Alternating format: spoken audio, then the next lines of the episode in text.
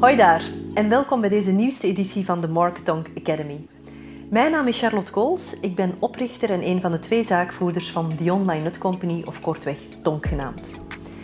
In de Marketonk Academy behandelen wij alle domeinen die te maken hebben met leads, klanten en ambassadeurs.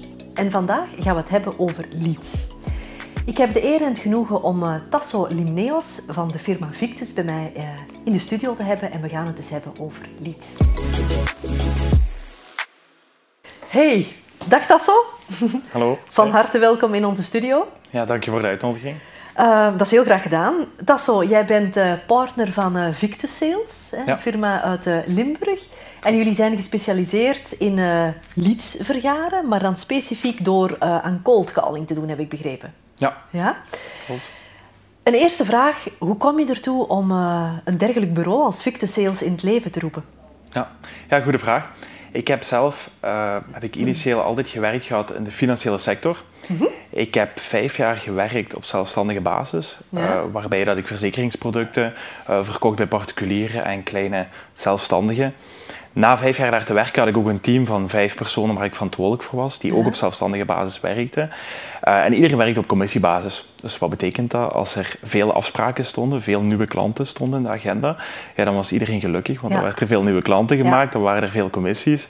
Uh, en vandaar zijn we eigenlijk gekomen op het idee van oké, okay, uh, die afspraken maken, dat was eigenlijk het meest cruciale. Dus een goede week betekende veel afspraken. Absoluut. Uh, en toen zijn we eigenlijk gaan kijken van oké, okay, kunnen we niet het afspraakgedeelte outsourcen? Dus dat we iemand anders verantwoordelijk maken voor de afspraken te maken. Ja. Waarbij dat wij een zekerheid hebben dat er alle weken veel afspraken stonden. Oké. Okay. En zo zijn we eigenlijk in aanraking gekomen met een, uh, met een callcenter, wat in de tijd dan afspraken voor ons team inboekte. Ja. En na enkele maanden samen te werken, waren we niet echt tevreden over de samenwerking.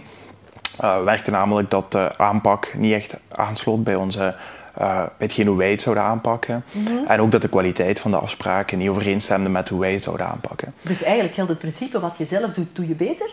Toen dachten wij dat wel inderdaad. Ja. Toen ja? dachten we, dat kunnen we veel beter zelf doen. We hebben zelf uh, vijf jaar gebeld, we een team van vijf man en moesten wekelijks onze belsessies organiseren.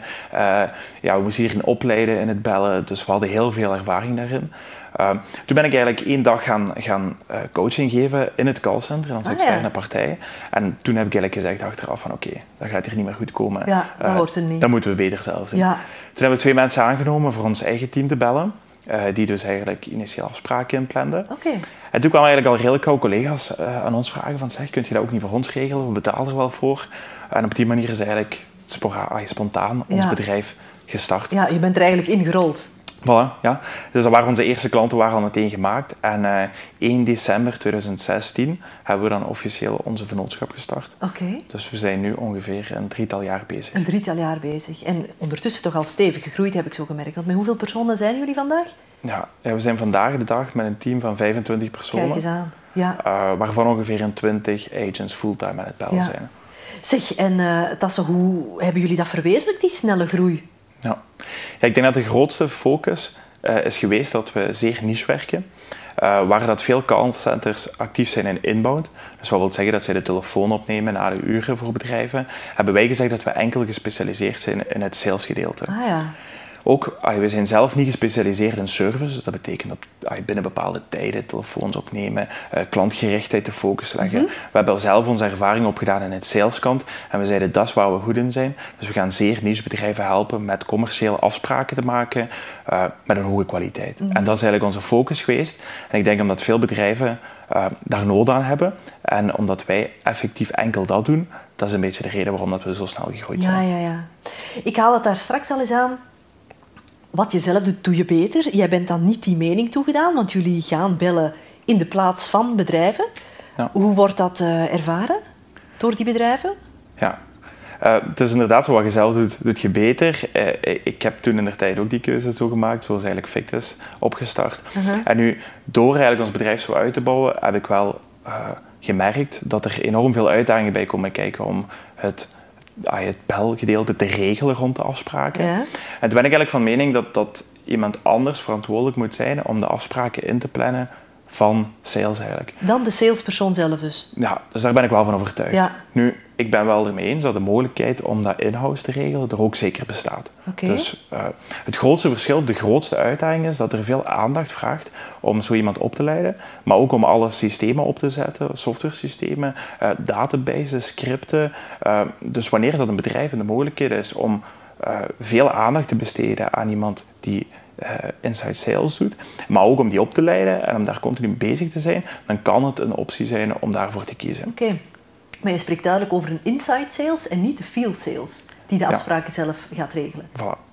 De reden waarom ik daarin geloof is omdat als, uh, allee, er zijn een paar uitdagingen wat er is bij field sales. Field sales heeft veel taken, wat wil mhm. zeggen, die moet prospecteren normaal, die mhm. moet klanten bezoeken, mhm. die moet offertes maken, die moet opvolgen, die moet bestaande klanten, problemen, projecten opvolgen vaak. Vergeet uh, een hele belangrijke, hè? Ja, de belangrijkste. Vaak is dat ook. De deals closen. Ja, ja klopt. Ja. En eigenlijk één daarvan is dus de afspraken doen en de deals closen. Ja. En dat is eigenlijk het meest belangrijke wat een sales doet. Dat is eigenlijk waarvoor die betaald wordt. Klopt. En toen hebben we gezegd, oké, als we het gedeelte waarvoor, de afspraken inboeken, als we die bij iemand anders kunnen leggen, dan is er een zekerheid dat er een x-aantal gesprekken per week plaatsvinden. Ja. Zowel voor nieuwe prospectie als voor bestaande prospectie. Oké, en dat de sales kan ingezet worden daar waar dat hij eigenlijk, hij of zij, het best is. En dan heeft je inderdaad meer rendement op je sales, aangezien dat die gefocust is op het afspraken doen. Mhm. En anderzijds ook, wat ook belangrijk is, meestal kost een field sales ook net iets meer mhm. dan een inside sales, waarbij dat ook die kost van die sales maximaal is, aangezien dat je die inzet op deals closen en niet zozeer om te bellen. Snap ik. En cold calling, is dat vandaag nog aan de orde eigenlijk? Want we leven in een digitale wereld. Uh, eh, GDPR is er natuurlijk gekomen. Hoe zie je dat? Ja. Ja, cold calling is vandaag de dag nog steeds een zeer, zeer, zeer effectieve methode om, uh, om te hanteren voor sales. En met name omdat als iemand belt, dan krijg je onmiddellijk een antwoord. je belt, je doet een verhaal en het is een ja of het is een nee. Als je erdoor geraakt. Ja, het is uiteraard wel wat, wat uh, wat, vraagt wat kunnen om erdoor te geraken. Maar in ieder geval, als je verhaal doet, dan is het direct ja of nee. Ja, ik heb al wat callbacks en je moet wel eens af en toe wat terugbellen. Uh, maar je krijgt gewoon een veel kortere doorlooptijd van je lead-antwoord. Ja. Terwijl in online marketing, waar ik zeker ook een heel grote fan van ben, uh-huh. duurt alles wat langer, kan dat wat, ja, wat meer... Uh, we hebben meer tijd vragen om resultaten te bekomen, terwijl dat bellen zeer effectief is op korte termijn. Ja, er moet meer genurtured worden. Ja, voilà, ja, dat is eigenlijk ja, inderdaad. Terwijl dat inderdaad bij jullie ja of nee is. Ja, ik kan me voorstellen, zeker in ja, iets wat grotere bedrijven, er is een poortwachter, de secretaresse, maar van het moment dat die mevrouw ja, in de gaten krijgt dat mensen zomaar een script zitten af te lezen, ja, raak je er waarschijnlijk helemaal niet door. Hoe pakken jullie dat op? Ja, klopt. We proberen twee dingen te combineren daarin. Enerzijds is het heel belangrijk dat je een bepaalde meerwaarde, uh, één zin, twee zinnen probeert te zeggen, dus geen volledig script probeert af te uh, lezen, maar een bepaalde meerwaarde probeert te zeggen waarover het gaat. En het tweede wat ik eigenlijk moet doen is een beetje arrogantie daarbij combineren, om het zo maar te zeggen. Uh, dat die secretaresse niet durft moeilijk doen, omdat het potentieel wel over iets heel belangrijk kan gaan. Oké. Zodra dat die eigenlijk opmerkt van oké, het is hier een serieus topic, ja. uh, er is hier iemand serieus aan de lijn, dan gaat hij niet meer twijfelen om je door te schakelen en dan komt je makkelijker door. Speel je dan eigenlijk in op pijnpunten van, van, van een bepaalde sector of zo? Meestal proberen we eh, bij de secretaresse vrij kort te hebben dat we een vraag hadden over X, Y, Z. Dus we wouden hem gewoon even vragen rond X, Y, Z. Ah, ja. En, dan bepaalde serieusheid, voilà, en dan stil te laten. En dan, ja, ofwel vraagt hij een beetje door, van hebben jullie al eens contact gehad of zo.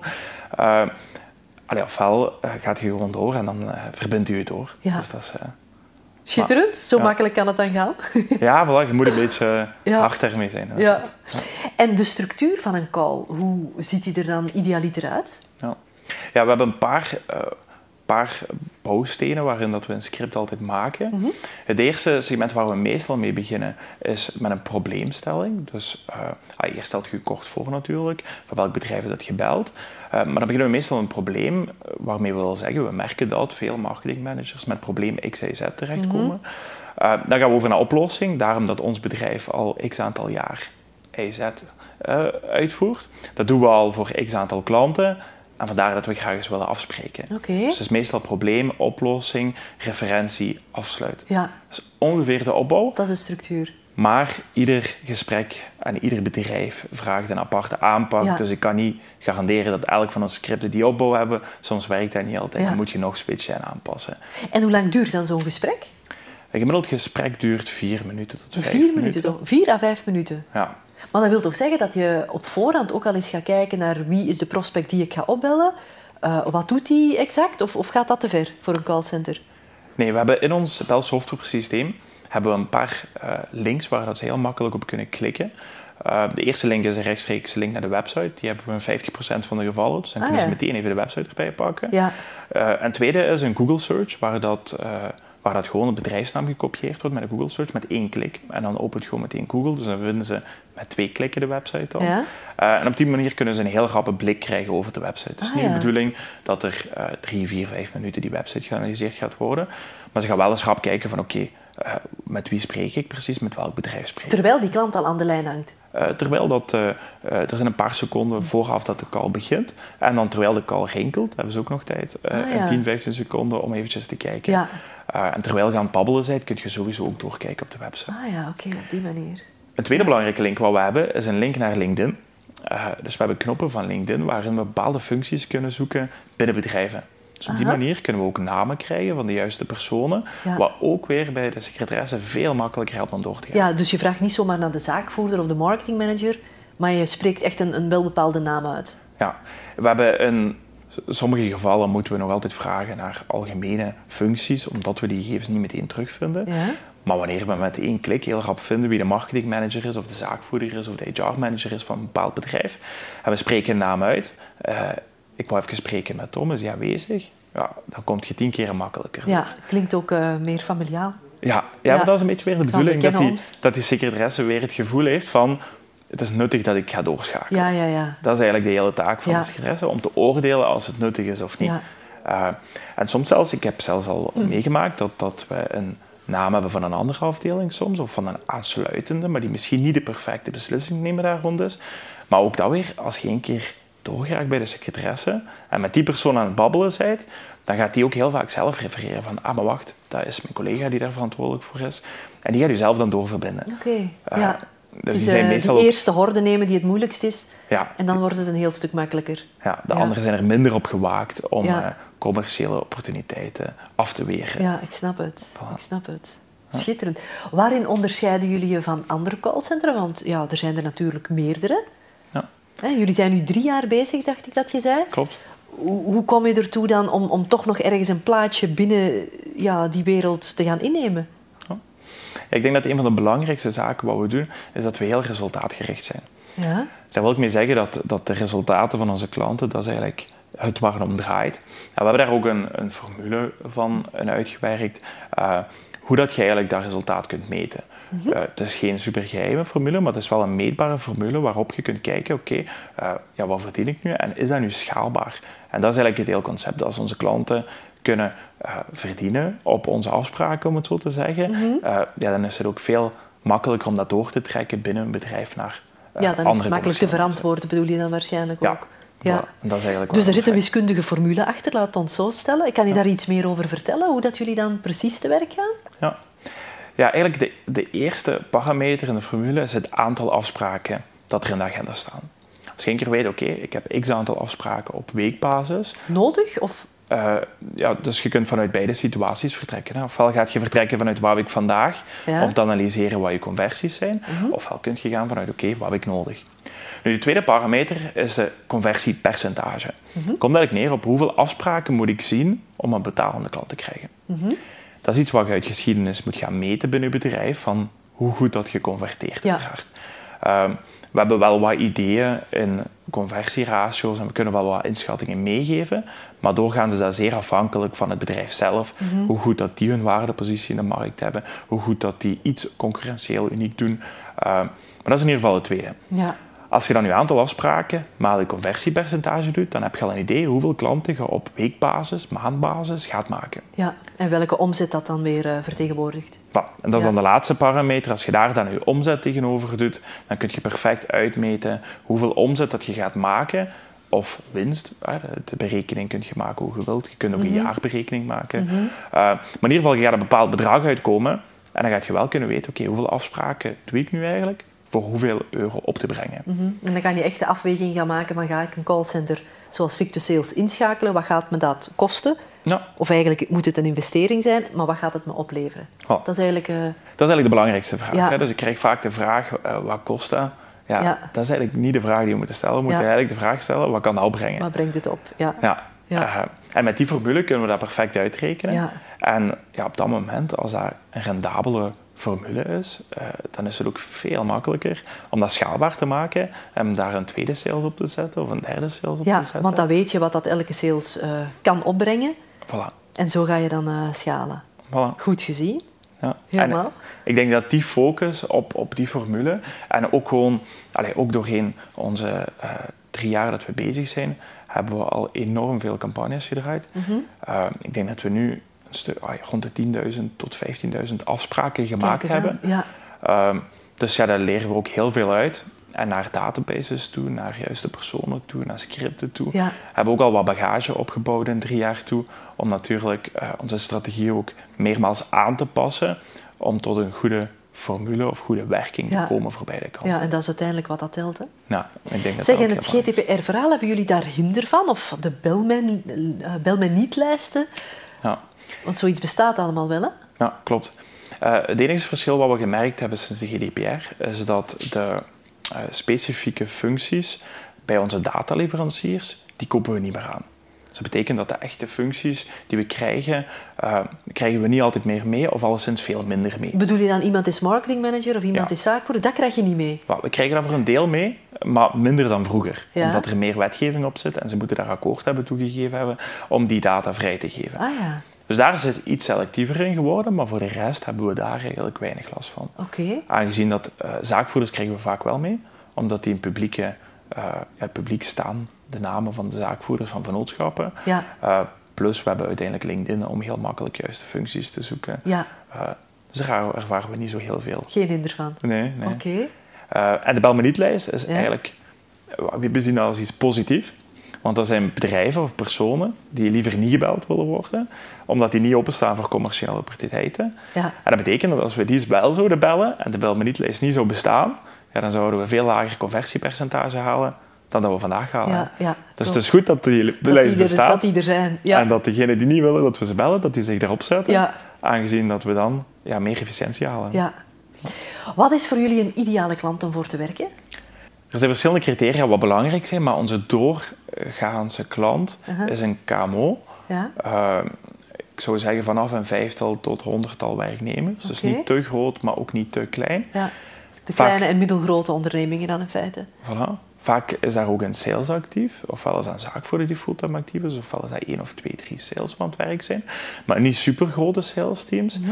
Ehm, en vaak hebben die ook wel een goede verdienste aan hun model gekoppeld eh, en ja, zijn die op zoek naar kwalitatieve afspraken. Ja, Ehm, dus we focussen ons niet zozeer op klanten ehm, wat kleine marges hebben en wat heel veel volume nodig hebben en wat niet zo echt gefocust zijn op kwaliteitsafspraken.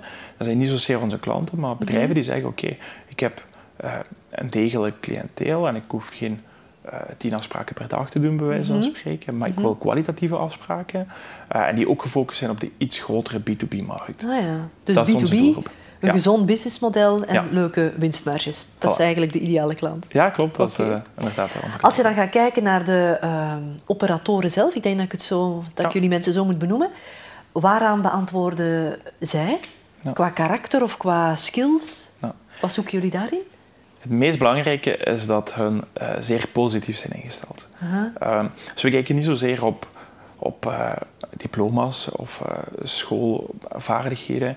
Het voornaamste waar we naar kijken is wel ervaring. Van, oké, hebben ze al ervaring om te bellen een hele dag? Want het is Ja. wel een belangrijke vereiste Ja, dat ja, je het weet, is vermoeiend. ja, dat je Ja. weet wat dat met zich meebrengt. Belt iemand trouwens een hele dag aan een stuk door? Acht uur? Of, of hoe? Eh, op een werkdag van acht uur hebben ze gemiddeld tussen de vijf uur en zes uur effectieve beltijd. Ja, ja dat is toch behoorlijk. Hè? Dus dan moet je inderdaad wel een goede mindset hebben. Ja, Om, eh, want die, ze horen waarschijnlijk heel veel nee's ook. Ja. En dat is eigenlijk het belangrijkste waar we naar kijken. Mhm. Dus we kijken naar ervaring van weten ze wat het is om te bellen. eh, een volledige dag. En het tweede waar we naar kijken is een enthousiasme en positiviteit. Je wil iemand zijn waar mensen het tof mee vinden om aan de telefoon te zitten. Ja. Een aangename stem, een aangenaam vriendelijk overkomen. Ehm, dus dat is heel belangrijk. Maar je moet ook met nee's kunnen omgaan, want ja, ik krijg redelijk wat nee's. Dus dat is heel belangrijk dat je elke keer opnieuw Ja, positief blijft. ja, toch weer die telefoon neemt. Voilà. En dan moet je een beetje een commerciële flair ook hebben. Daar kijken we ook wel naar. Ja. Iemand die wat commercieel gemindset is. Ja. Eh, maar dan kunnen we nog voornamelijk trainen. Oké, dat was mijn volgende vraag. Kan je dat aanleren of moet, dat, moet je dat van nature in je hebben? Ja. Dus je moet uiteraard een beetje de babbel mee hebben. Ja, Maar we hebben wel wat agents wat ook iets rustiger zijn van nature. Maar wat echt ook heel goede agents zijn. ja, Ehm, dus het allerbelangrijkste waar we naar kijken is naar het omgaan met het negatieve. En dat telkens willen ombuigen naar iets positiefs. Ja. Dat is de belangrijkste. Dat kunnen we niet aanleren. ja. Het commerciële kunnen we wel aanscherpen. Dus dat valt zeker te leren. En we hebben regelmatig trainingen wat we geven. eh, ja, om dat continu op punt te houden en te verbeteren Ja. natuurlijk. Schitterend. Hoe zie jij de toekomst verder voor eh ja, Victus Sales? En voor callcentra in, in, in zijn algemeenheid? Nou, ook een heel goede vraag. ik geloof zeker dat het eh, telefoongedeelte eh, naar cold calling toe is in een neerwaartse trend. Dus doorgaans wordt er alsmaar minder cold calling gedaan, omdat er meer online gebeurt. Ja, daarom mijn vraag in het begin van, ja, jullie zijn nog maar drie jaar bezig.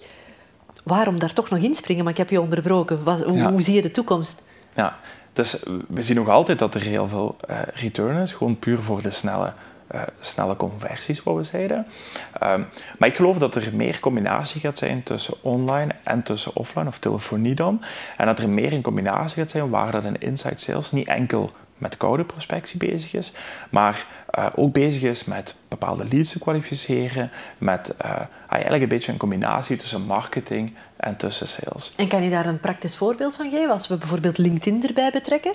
Ja. Want we zijn toch B2B aan het spreken. Klopt. Hoe zou je dat dan eh, zien?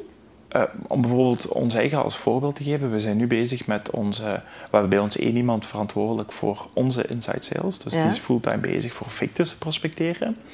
En wat hij ook doet, is alle inkomende leads van Facebook, van de website, eh, belt zij op en kwalificeert zij verder. Ah ja, En op basis daarvan gaat zij ook afspraken maken. ja, En ja, dat combineert zij met een outreach op LinkedIn, ja, waar dat ook berichten worden gestuurd. Maar altijd met de bedoeling om een telefoontje in te plannen, om even kort telefoons af te toetsen. ja, En ook de persoon om wat we bellen, gaan wij ook persoonlijk voor ons toevoegen op LinkedIn. Ja. Om ook weer een ander kanaal daarbij te betrekken. ja, ja. Dus ik geloof dat de toekomst erin gaat zitten om eh, meerdere kanalen te gaan betrekken. En dat iemand wel nog altijd bezig is met outreachen voor uw bedrijf. En te gaan zoeken naar opportuniteiten. Maar gewoon op meerdere manieren. En onze grootste uitdaging daarin zit erin om daar weer schaalbare manieren in te vinden.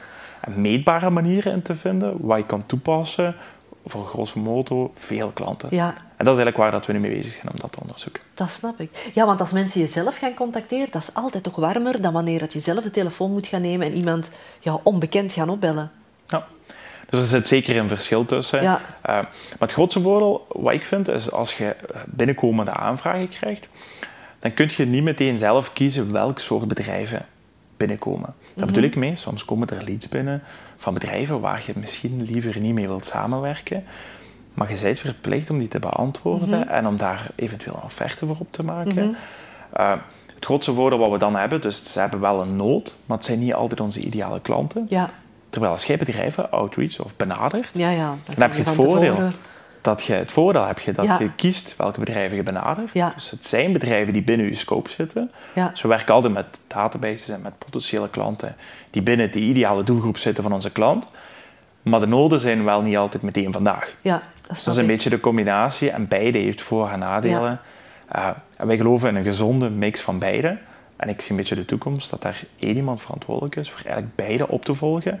En, eh, en beide opportuniteiten te creëren en te filteren voor eigenlijk de field Ja, the best of both worlds, zoals dat dan gezegd wordt. Voilà, hè. Super, dat zo. Ik vond het een geweldig aangenaam gesprek. Ik heb er veel van bijgeleerd. Ik hoop onze kijker eh, thuis ook. Dus rest mij alleen nog jou van harte te bedanken om hier vandaag aanwezig te zijn. Dankjewel, graag gedaan. Ziezo, deze meest recente versie van de Marketing Academy zit er weer op. We hadden het over leads vandaag. Ik had de eer dus om Tasso Limneos van Victus Sales bij mij in de studio te hebben. Ik hoop dat jullie er wat aan gehad hebben. Indien dat zo is, like zeker deze eh, editie en meer nog abonneer je op ons kanaal, want er komt nog veel meer jullie richting uit, van leads naar klanten naar ambassadeurs. Ciao!